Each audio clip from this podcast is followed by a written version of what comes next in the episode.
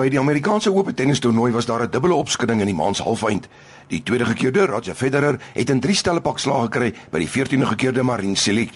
En dan is die eerste gekeerde Novak Djokovic deur die 10de gekeerde Kei Nishikori van Japan uitgeskakel. Die Amerikaanse Ope tenniskampioenskap was hierdie jaar weer een van daai sportgebeurtenisse wat elke sportliefhebber laat regop sit, hulle koppe skud en sê, "Kan jy dit glo?" Jy sien vir die eerste keer in 10 jaar was nie een van die top gekeerde mans in die eindstryd.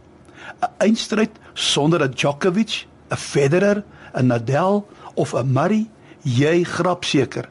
Maar teen alle verwagting, voorspelling en logika is dit wat gebeur het. Jy sien die kering van die spelers is 99.9% die aanduiding van wie gaan in die eindstryd speel. Logika sê vir jou dit moet een van die topgekeerde spelers wees. Maar die jaar kom die 10de en die 14de gekeerde spelers uit die bloute en speel in die eindstryd.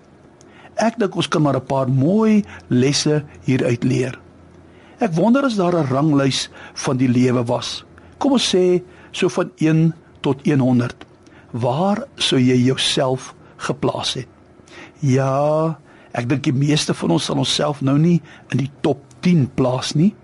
Maar ek wil vandag vir jou sê, ongeag waar jy jouself sien, kan jy 'n wenner wees.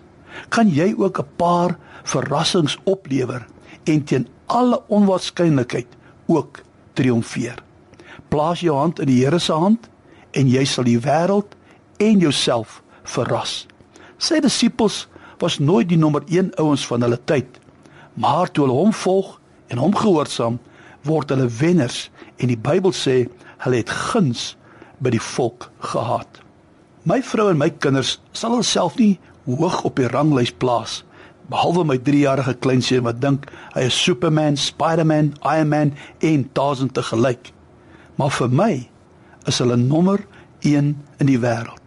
So ongeag van waar jy jou plaas, vir iemand is jy nommer 1 in die wêreld. Ek is ook heeltemal oortuig dat vir die Here is ons almal nommer 1. En al was jy die enigste een op aarde, hy is so lief vir jou dat hy net vir jou sou sterf my uitdaging vir die week. Skud af daai swak selfbeeld.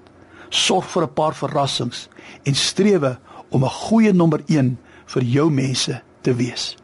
Here Jesus, help ons om vandag te sien ook ons kan wenners wees.